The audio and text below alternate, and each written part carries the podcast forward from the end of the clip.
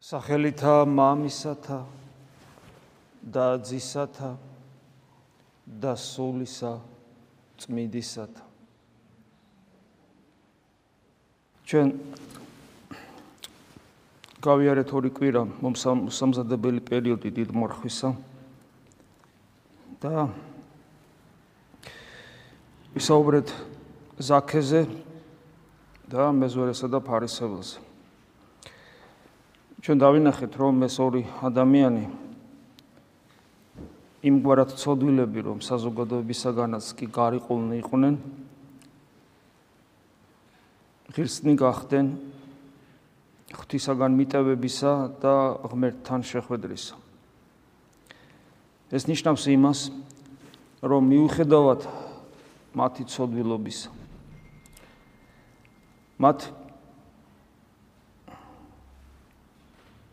მიუხედავად მათი ცოდვილობისა, მათ არ აკმაყოფილებდათ ის ცხოვრების წესი, რაც მათ ჰქონდათ.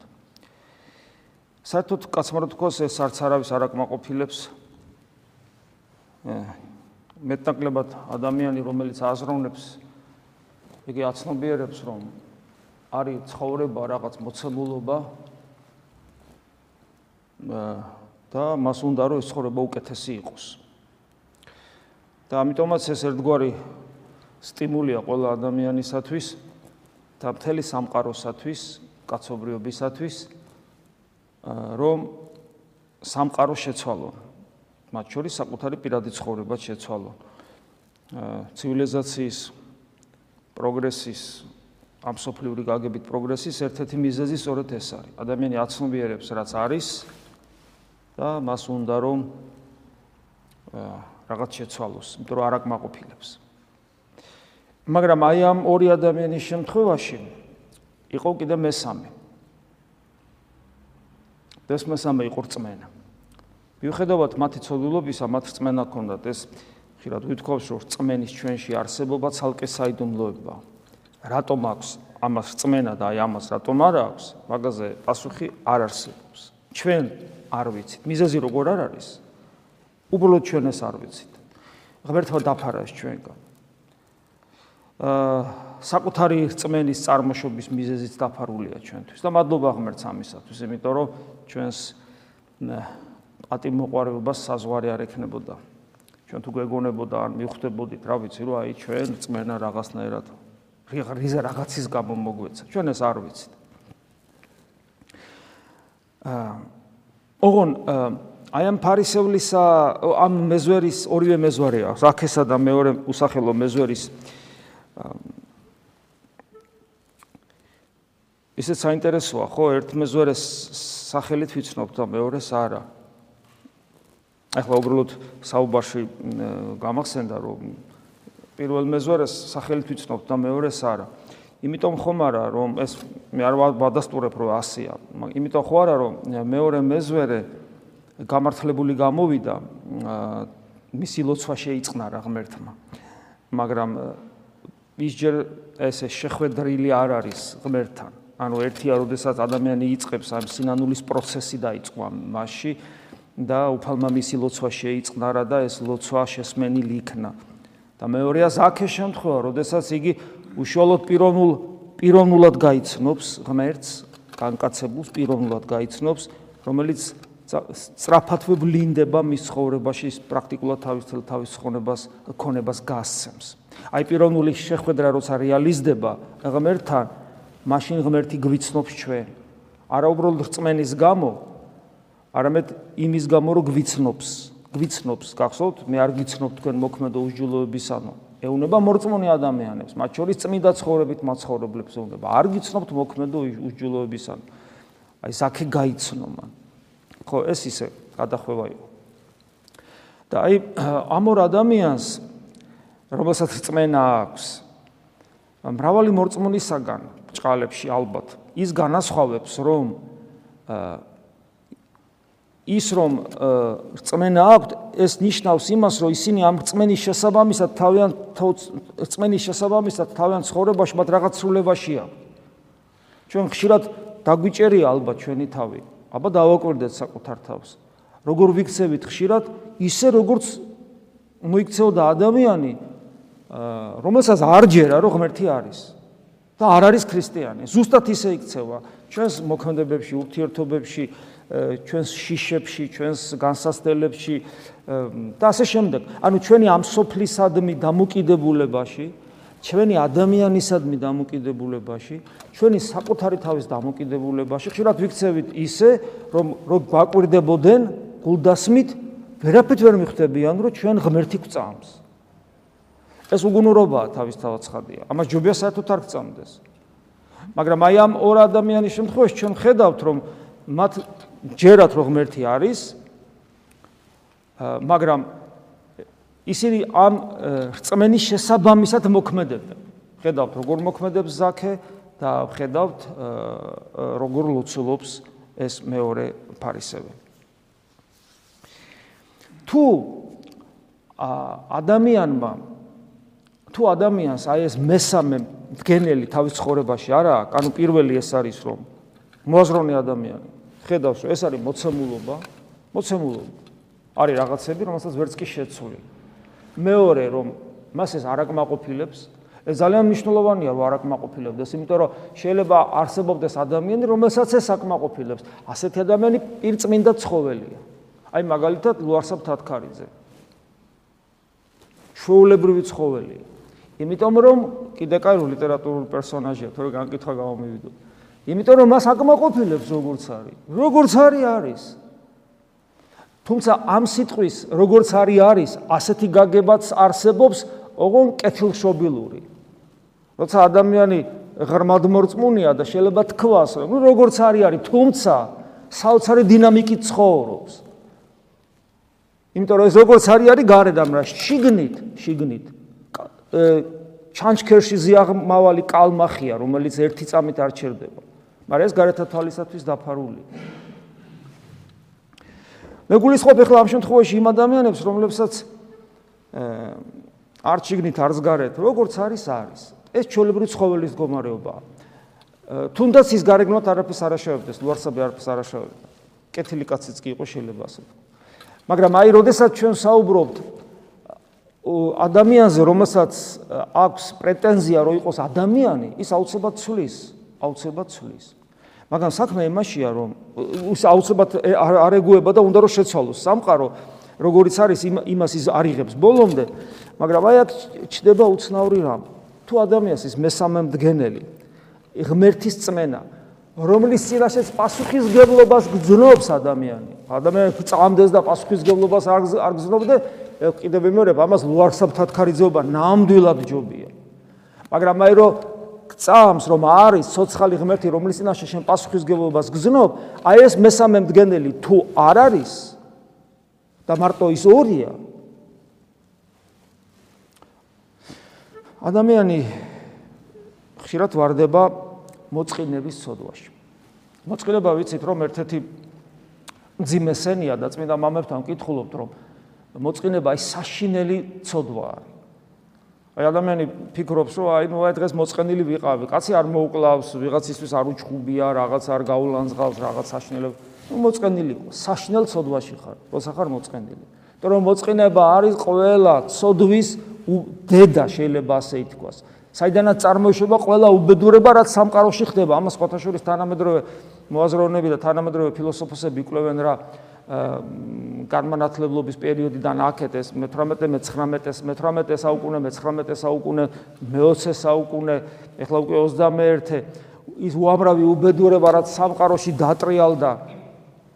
ძალიან ხშირ შემთხვევაში მიზეზად მიზეზად ასახელებენ ადამი კაცობრიობის და ადამიანების მოწყინა ადამიანმა მოიწყინა და მოწყინების გამო ის რათას უბედურებას ჩადის იგონებს პრობლემებს იგონებს განსასწრებს ამ პირდაპირ ესე იგი ჩაშვებულია ცოდვის წუმპეში.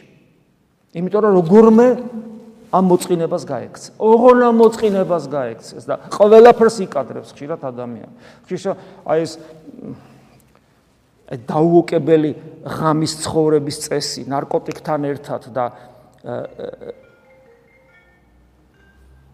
და აი იმ მუსიკასაც ვერ დავარქმევ, ხო, ამ რაღაცა რითმთან ერთად, რომელიც აი ადამიანს აი ამ ვიბრაციაში ამყოფებს და ფაქტობრივად, რა ვიცი, ხა პარმინა შეურაცხყოფელი სიტყვები ვიხმარო, ერთ-ერთი მიზეზი აი ამ აი ამგვარი ცხოვრების წესისა, ეს არის ეს არის სწორედ მოწყინება. ადამიანმა ადამიანებმა მოიწყინეს და აღარ იციან რა გააკეთონ. დღევანდელი სახარების სიუჟეტი უძღებიშვილის შესახებ. ფიქრობ, რომ სწორედ აი ამ კუთხით არის ძალიან ძალიან საინტერესო. ესე იგი, მე უფროსი შვილის მოწყინებაც ჩანს პრინციპში, მაგრამ აი ეს უმცროსი შვილი, უმცროსი შვილი თითქოს მოიწყენს იმ გარემოში, სადაც მას არაფერი არ აკლია. იმიტომ რომ ის ორი მდგენელით ცხოვრობს. პირველი მოცემულობა, მეორე აწუხებს, რომ რაღაცა უნდა შეცვალოს, მაგრამ რა უნდა შეცვალოს? ყველაფერი თავზე საყარი აქვს და არაფერს ცვლება პრინციპს საჭირო თითქოს არ არის. ყველაფერი თავზე საყარი აქვს. მაგრამ აი მესამე მდგენელის არარსებობა, ის ღვთაებრივი ცეცხლის არარსებობა. ცეცხლისა ცეცხლის მოსაფენად მოვედი ამ ქვეყანაზე და მე მინდა რომ ეს ცეცხლი აწვე აღეგზნას როგორც უფალი ამბობს. აი ეს ცეცხლი რომელიც ღმერთმა მოიტანა სამყაროში, როცა გაანკაცდა, აი ეს ცეცხლი არ არსებობს ამ უმცროსი შვილი, არც უფროსისთვის მე ვნახავთ, ეს ცეცხლი არ არის და მოიწინა. ფათაშორის მე ძალიან დიდი ხნის წინ მაგ წაკითხული ჩემს ძალიან ძალიან ღრმა ახალგაზრდობაში დოჩანაშვილის სამოსელი პირველი და ეხლა გამახსენდა მე სამწუხაროდ ეხლა და და თანადულებით ვერ ვიწვი მაგრამ აი რომ მახსენდება ეს დომენიკო ანუ რომელიც რომლის პროტოტიპი არის ეს უძღები შვილი ასოციაციურად უფრო და არა არა ზუსტი გახსენებით მოწყენილი ტიპაჟია. აი მოწყენილია რა, უსაქმრობისაგან არის მოწყენილი. არაფერი არაკლია და არის მოწყენილი და მოწყენობის ნიადაგზე ის ადგება და წავა მამის სახლი. ჩვენ ძალიან ხშირ შემთხვევაში კაცობრიობას ზოგადად და ხშირ შემთხვევაში აი ეს პრობლემა გვაქვს და მათ შორის მათ შორის რელიგიურ ადამიანებს. რელიგიური ადამიანები შეიძლება გარკვეულწილად საკუთარი თავი ჩვენ რელიგიურმა ადამიანებმა მოვიაზროს როგორც უფროსმა შვილებმა და უფროსი შვილიც მოწყენილია. წარმოიდგინეთ, ესე იგი, რას ეუნება მამას, რომელიც რომლის პროტოტიპი თავად ღმერთია, რომ ერთი თიკანი არ მოგიციაო. ანუ ადამიანს რომელსაც ყველაფერი აქვს და რაც თავარია მამის პოზიციაზეა, არა აქვს რა აი მესამე მდგენელი ცხოვრებისა, ღვთაებრივი ცეცხლი. მის ცხოვრებაში ცეცხლი არ არის. არის აი ეს, ეს რასაც ხედავს, და კიდე რასაც ვერ ხედავს, მაგრამ რასაც ვერ ხედავს, ისიც აქაურია ცოტა უფრო გალამაზებული, ესე ფიქრობს. და ესე იგი იმდენად გაღარიბებულია ცეცხლის არქონის გამო, რომ ყველაფერი აქვს და თიკანი უნდა და რაღაცა რაღაცა უნდა არ იცის რა უნდა. შურიც იყო ალბათ. შურიც იყო. ბოღმაც იყო, სიძულვილიც იყო, შურიზიების სურვილიც იყო, იმიტომ რომ მოვიდა ნახევარი ქონება განადგურა და მოვიდა და გადაყვნენ თან. ეს მომენტიც იყო, მაგრამ ფაქტი ერთია, რომ ადამიანი არ ადამიანი ვერ ხვდება სად იმყოფება. ამიტომაც ეუნება мама საყვედურ შულო გაოცებული, ჩემი ყველაფერი შენია. და რადგან ეს იგავური სახეა და რადგან პირველ სახე ამ მამისა ღმერთია, ესე იგი ღმერთი გეუნება. აი ჩვენ ხო მოვიწყენთ ხოლმე, ჩვენ ხო აუ რა გავაკეთო არ ვიცი და ხა ეს ეს აღარ აღარ იზმორება ქრისტიანი ალბათ იმედი მაქვს მაგრამ ყოველ შემთხვევაში აი რაღაც რა არიცის ადამიანმა რა ქნას ხშირად და ეს შინაგანი ეს სიხარულ მოწყენილობას სხვა სხვადასხვა გამოვლენებები აქვს მოწყენილობას სიხარულის არ ქონა რაღაცა დეპრესიული განწყობა რაღაც უღიმღამო უჟმური მჟავე ხასიათი რომელიც აუცილებლად გამოვლინდება ადამიანებთან ურთიერთობებში მაინდა-მაინც არ გიხარია გაღვიძება არ გიხარია დაძინება. ну რაღაც რაღაც ესეთია ხო? აი ეს მდგომარეობა. და ეს მდგომარეობა რო არის აბა ეხა მორწმუნე საკუთარ თავს კრიტიკულად შევხედოთ. უძღები შვილის იგავის მიხედვით. ეს კი ღმერთი ჩვენ გვეუბნება, რომ თეოდორე, რატო ხარ ესე რა რა გინდა ეხლა? აი რითი გინდა გაგართო ეხლა? აბა რა რა რა რა ფოჩიანი კამფეტები გინდა? თიკანი ხო ფოჩიანი კამფეტი? აი რითი გინდა გაგართო, რომ ცოტა გაერთო. მაშინ როდესაც ჩემი ყველაფერი შენი არ არის? აი ამას მეუბნება მე. მე კიდე გართობამი და მოვიწყინე. და მესმის ჩემი ყველაფერი შენია და რა ღმერთო შენი ყველაფერი ჩემი ანუ რას ნიშნავს ეს ნიშნავს იმას რომ ღმერთი ჩემია мама ჩემი და მე შვილის სტატუსი მაქვს მე ღმერთი ვარ პოტენციაში აი ამას ნიშნავს და რას ნიშნავს ეს და მინდა ეს მე მინდა მესმის ეს რას ნიშნავს გასაგებია მე აი ქრისტეს სისხლს ვეზიარებით ღმერთი ღმერთი შემოვიდა ჩემში აქედან გასული არა ვარ უკვე ჭორაობას ვიწყებ სიგარეტის მოწევას ვიწყებ ვთრები განვიკითხავ სახში მივალ და ცოტა გაღიზიანებულს გაღიზიანებული ვარ და არ ვიცი რატო დავიღალე აქ დავიღალე გაღიზიანებული ვარ და რაღაცა ცოტა ისე გადაბრუნებული მითხეს და დავცოფე მთელი ოჯახი. რას ნიშნავს ღმერთი ჩემთან არის? არ მესმის მე, მინდა საერთოდ ეს. მე რაღაც ფოჩიანი კამფეტები მინდა. რა ხდება ამ დროს? რატო რატო რატო გვემართება ესეთი რა? უფროსი შვილი ნამდვილად ვერაფერს ვერ ხდება სადიმყოფება. ვერ გძნობს ცეცხლს. ისე როგორც უფროსი შვილი. უფროსი შვილი ვერ გძნობს ცეცხლს, ისე როგორც უმცროსი შვილი. ახლა უმცროსი შვილი, რომელიც ამ ცეცხლს რო ვერ გძნობს და ეყო ვაშკაცობა, წავიდა, პასუხისგებლობას ნაკლები ქონდა, იმიტომ რომ უფროს ქონა ყველაფერი წავიდა აა აი, როდესაც მას ის კარგავს ის რაც ქონდა კიდევაც და როდესაც მას ძალიან გაუჭirdება და უკვე ეს სამყარო მოცემულობა, რომელიც აი მოცემულობა, რომელიც არის, ისეთი გახდა. ისეთი კი არისო მამასთან, რომელიც ცვლილება უნდა და არიცოდა რა ცვლილება საერთკენო წასულიყო, ყველაფერი მაქსიმალური ქონა და მოიწინა და მაგრამ როდესაც წავიდა და სამყარო გახდა ისეთი როგორიც გახდა, ანუ ღორებში ცხოვრება რო დაიწყო ღორული ცხოვრება. მან დაიწყო ღორული ცხოვრება. აი მე ანუ ცხოვრება გახდა არა იყო იყო ის მოცემულობა საწყისი იყო არა მამისეული არამედ ღორული აი ღორული ცხოვრება რო გახდა საწყისი მოცემულობა რომლის შეცვლაც მოინდომა მაგრამ ამის უნარი მას საერთოდ აღარ აქვს და იმედი დაკარგა რომ ამე შეცვლიდა თორემ მამის სახლში როცა მას წინვალე ცხოვრება ქონდა მას იმედი ქონდა რომ შეცვლიდა იმიტომ რომ იქ მაგარი ტიპი იყო ყველაფერი ქონდა და ეხლა უკეთესი მინდა ეხლა უფრო მაგრა შევცვლი მომეც შემიქონება მე ვიცი მაგრამ აი იქ დამდაბლდა. აი ეს ამბიცია აღარ აქვს. აღარ არის გაბღენძილი. ანუ ნახეთ, განსაცდელმა ცოტათი ჭკუაზე მოიყვანა და ყველაზე მთავარი ამ ჭკუის მოყვანაში იყო ის, რომ მას აღარ აქვს იმის ამბიცია, რომ მას რამე შეუძლია შეცვალოს. და ამდაბლა ღმერთმა, და ამდაბლა, და ამდაბლა. ხიბლის გომარებიდან გამოიყვანა. რა სასარგებლოა ზოგ შემთხვევაში ეს ჩვენთვის, ხო? როდესაც ღმერთი ასე დაგვამდაბლებს და მივხვდებით რომ ჩვენით არაფერი არ შეგვიძლია და ამას უფალი გვასწავლის რომ ჩემს გარეშე არაფერი შეგიძლია და ასკეტურ სწავლაში პირველი ერთ-ერთი რაც არის ნათქვამი სწორედ ეს არის რომ პირველი რაც უნდა გახსოვდეს რომ შენ საკუთარი თავის იმედი არ გქონდეს ოღონ ეს რაღაცა უსუსურობის კომპლექს ფსიქოლოგიური თვალსაზრისით არნიშნავს ეს არსობრივი მდგომარეობა ადამიანის ამას კაი გაგება უნდა. და როცა ეს რაღაც კომპლექსებში გადადის მოძღვრის დახმარება ჭირდება ამ დროს ადამიანს. იმიტომ ის სხვა რამეა. არის ფსიქოლოგიური პრობლემები. აქ ჩვენ ფსიქოლოგიას არ ვეხებით. ჩვენ ფსიქოლოგიას არ ვეხებით ჩვენ სულს ვეხებით. იქ სხვა თვისებებია ვიდრე უბრალოდ ფსიქოლოგიაში. და აი როდესაც დაამდავდა და გონზე მოეგო ნახეთ პირველი რა გაახსენდა, мама გაახსენდა. ანუ სიმბოლოა, ანუ ვინ გაახსენდა? ღმერთი, რომელიც მას საერთოდ არ ახსოვდა. საერთოდ არ ახსოვდა ღმერთი და აი როგორც კი мама გაახსენდა მის ცხოვრებაში შემოდის ეს ღვთაებრივი ნათელი რომელიც ჯერ ცეცხლად არ გადაქცეულა მაგრამ შემოდის ღვთაებრივი ნათელი აი როგორც კი ეს მესამე მდგენელი ჩდება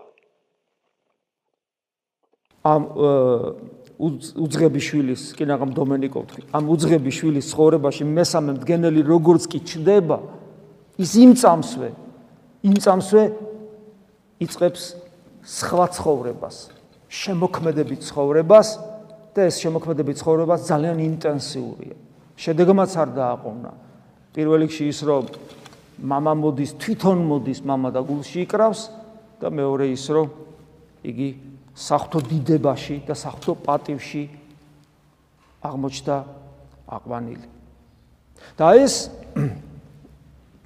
აი ეს უფროსი შვილი უფროსი შვილი როგორც გითხარით ასევე ასევე ხედავთ რა მდგომარეობაშია ისიც ვერ ხვდება და ვერ ხვდება რა შესაბამისად ესე იგი მას მამის საყუდურიც კი თითქოს არ აფხიზლებს საინტერესოა რა აქვს საერთო ამ ორივე ძმას. ერთს კეთილშობილს, უფროს ძმას, მეორეს ფუქსავას და გარყვნილს. ერთი გარყვნილია და ფუქსავატია. და მეორე ზნეობრივად გაწონასწორებული და კეთილშობილი. მაგრამ ორივეს აქვს რაღაც ისეთი საერთო, რის გამოც ორივე უმადურია. გარკვეულ ეტაპამდე აი უზღებიშვილი მოეგო გონსა თავსათვისა როგორც წერია წმინდა წელში, იმიტომ რომ ღმერთმა დაამდაბლა. ალბათ იმ უფროსას დაამდაბლებდა მე რაღაცნაირად და მე მიხვდებოდა. მაგრამ მანამდე რა აქვთ ამ ორივე საერთო? ისინი იმყოფებიან სიცოცხლეში, მაგრამ ამ სიცოცხლეს ვერ გრძნობენ, იმიტომ რომ არიან მკვდარი. მკვდარი ადამიანი სიცოცხლეს ვერ გრძნობს. ესეა ფიზიკურ სინამდვილეს, როცა ჩვენ ხორცელად მოვკვდებით აქაურ სიცოცხლეს, ჩვენი ხორცი ვეღარ იგზნობს და თუ ჩვენ სულიერად ყდარნი ვართ, ჩვენ არ შეგვიძლია ღმერთის განცდა გქონდეს. ჩვენ ჯოჯოხეთში ვიმყოფები. ამიტომ ხშირად არის ხოლმე ადამიანებს საცოტარკვეთილების ფონზე აქვს ხოლმე, ой, დავიღალი ამ ცხოვრებით, ნეტა წამიყვანოს მალე უფალმა. და უფალთან სიცოცხლეა და თუ მკვდარი წახვედი უფალთან, შენ ვერ მოხდები, მკვდარი ვერ მივა უფალთან. და ცოცხალი ხარ შენ, ცოცხალი ხარ? სასოწარკვეთილი, დეპრესიული, უსუსური, ლაჩარი, რომელიც გაურბის ამ ცხოვრებას და ბრძოლა აღარ უნდა ის ცოცხალია, ის ცოცხალი არ არის, ის მკვდარია. და შესაბამისად მას არ ექნება უნარი სიცოცხლეში მყოფობის. ამიტომ ჩვენი მიზანი დასკვნის სახით რო ვთქვა, უძღებშვილთან დაკავშირებით, ჩვენი მიზანი არის ის, რომ ვიყოთ ცოცხლები სულიერად. თუ ცოცხლები არ ვიქნით, უფროსი შვილი ჩვენ ვიქნებით. ეს უზღები შვილი ჩვენ ვიქნებით მან სინანულამდე. ის ფარისეველი ჩვენ ვიქნებით და ის მეზვერეცა და ის ზაქეც მათ სინანულამდე. ჩვენ მკვდარნი ვართ და ჩვენ აქაც იმიტომ ვერ აღვიქვავთ ღმერთს. და იმიტომ ვართ ზიარების მერე, ჩვეულებრივი, ცოდვილი ადამიანები, ჩვენი ცხოვრების წესი და მანერი რომ არაფრით არ განვირჩევით მორწმუნესაგან, ურწმუნოსაგან, გარდა ერთისა, ჩვენ რითი განსხვავდებით ხშირად სამწუხაროდ მორწმუნ არაეკლესიური ადამიანებისაგან, იცით? ჩვენ მათ განვიკითხავთ. და მეტი არაფრით, ჩვენ თავი მათზე უკეთეს უგონია და რითი განსხვავდებით ჩვენი ძველი ფარისევლებისაგან, რომლებიც თელ წარმართულ სამყაროს განიკითხავდნენ და მე ეს წარმართული სამყარო შემცნობელი გახდა ქრისტესი და არა ის ფარისევლები. დიახაც ესია. და მე ამას არ ვამბობ აი ეს ჰიპოთეტურად რაღაცა ეს წარმოდგენებით რომ აი იცი მე სამწუხაროდ საკუთარი თავიც ვიცი ასეთი ნაგავი რო ვარ და თქვენს ხშირად ახსარებებზე და საუბარზე რომ მოდიხარ თქვენს მეტნაკლებად გიცნობთ როცა თქვენი ერთადერთი ღირსება და უპირატესობა არ ეკლესიურ ადამიანებთან ის არის ხოლმე რომ თქვენ მათ განიკითხავთ და თქვენ გონიათ რომ მალზე უკეთესები ხართ რა სასაცილო ადამიანი რო დაფიქრდეს კაცი. როცა მას საკუთარი თავის ხვაზე უკეთესი გონია. ეს ადამიანი ხო საკუთარ თავს საერთოდ არ იცნობს. ხო საერთოდ არ იცნობს. ეს ყველაფერი ასეც ახლა ჩვენ ვილაპარაკეთ. ეს ქრისტიანული სწავლება, წმინდა მამების სწავლებაზე დაფუძნებული ღვთისმეტყველება, ჩემი აზრით ღვთისმეტყველება არის ძალიან ლამაზი. ძალიან ლამაზი და მშვენი. არ არსებობს ქრისტიანულ ღვთისმეტყველებაზე უფრო უმშვენიერესი და ულამაზესი მოძღვრება. მაგრამ ეს მოძღვრება იქნება დოქტრინა თეორიული დარჩება მკვდრად არაფრის მომცემი დღესაც ასევე ჩვენ ესე იგი ვეზიარები და წავალ და ხვალეს და ზეგას და ასე შემდეგ არაფერი ჩვენ ცხოვრებაში არ შეცვლება თუ ეს ყველაფერი სულიერ ცხოვრების პრაქტიკაში არ გადავა. აი მაგალითად იგივე უძღებიშვილის იგავი. უძღებიშვილის იგავი ჩვენს პირად პრაქტიკაში თუ არ რეალისტ. როგორ რეალიზდეს ჩვენ სულიერ ცხოვრებაში ეს ეს არის გონიერი ლოცვის პრაქტიკა, როგორც ამას ღვთისმეტყველები ამბობენ. უძღების შვილი, როგორც სახე ჩვენი გონებისა, რომელიც უარს ამბობს ცოდვი დაცემიდან მემკვიდრე მიღებული მემკვიდრეობიდან გამომდინარე და ნათლობის მადლის დაკარგვიდან გამომდინარეც უარს ამბობს მამის წიაღში შინაგან იერუსალიმში, ანუ გულში მყოფობაზე, გულში არ იგულისხმება ანატომიური გული ხშირად უითქავს. გულში იგულისხმება ადამიანის არსების ცენტრი, მაგრამ ფანქრის გულში ხო გული არის გულისხმება, ხო? ფანქრის გულია, ხო? რაღაც ცენტრია, რითაც რითაც ფანქარი ფანქრად იქცევა, ხო? ან იგივე მაგალითად სახარებისული ტერმინია შუამუცელი. შუამუცელში კუჭი კი არის გულისხმება. ანუ რაღაც ცენტრალური ადგილი სულიერი თვალსაზრისით და არა გეომეტრიული თვალს. აი მაგალითად მანქანის გული. მანქანის გული არის ძრავი, რომელიც არ არის შუაში გეომეტრიულად წინ არის, ხო? ადამიანის გული არის სულიერი ცხოვრების ცენტრი. ზეციური იერუსალიმი შეიძლება ის გახდეს და შეიძლება ჯოჯოხეთად იქცეს. გააჩნია ადამიანი როგორ ცხოვრობს. და აი ჩვენი გონება გაღწეულია იმ მამისეული შინაგანი სახლიდან, ანუ იმ სულიერი იერუსალიმიდან გაქცეულია და ამას სოფელში მოძრაობს და ეს სოფელი, ეს სოფელი ზეცასთან შედარებით, რომელიც ჩვენ გულში უნდა დამკვიდრეს და ჩვენი გულიდან არის გამავა, გასასვლელი, ეს სოფელი საღორია ჩვეულებრივ. სიმბოლური სახეა, სიმბოლური. ამ შემთხვევაში მართლა საღორე კი არ არის, საღორე.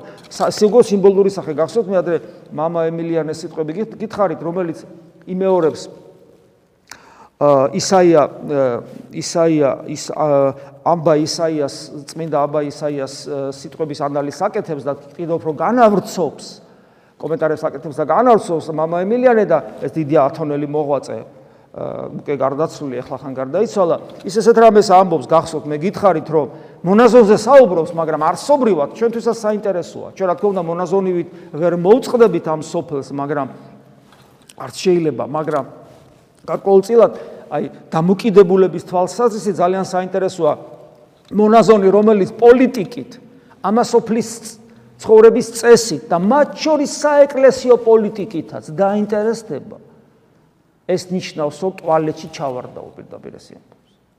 ცოტა უფრო უფრო მძაფრი სიტყვებით ამბობს. ეს არის ეს სამყარო ამ გულთან შედარებით. აი როცა ეს შინაგანი ცხოვრება არა გვაქვს და გარეთ ვართ და გარეთ კიდე ეს მოცემულობა ნამდვილად არ მოგვეწონება რაც გვაქვს. და გვინდა რომ შევცვალოთ და თუ შეცვლის რესურსიც არა გვაქვს და პრინციპში ნელ-ნელა ეს იწურება საქართველოს მაგალითზე ჩვენ ხედავთ რომ ჩვენი რესურსი.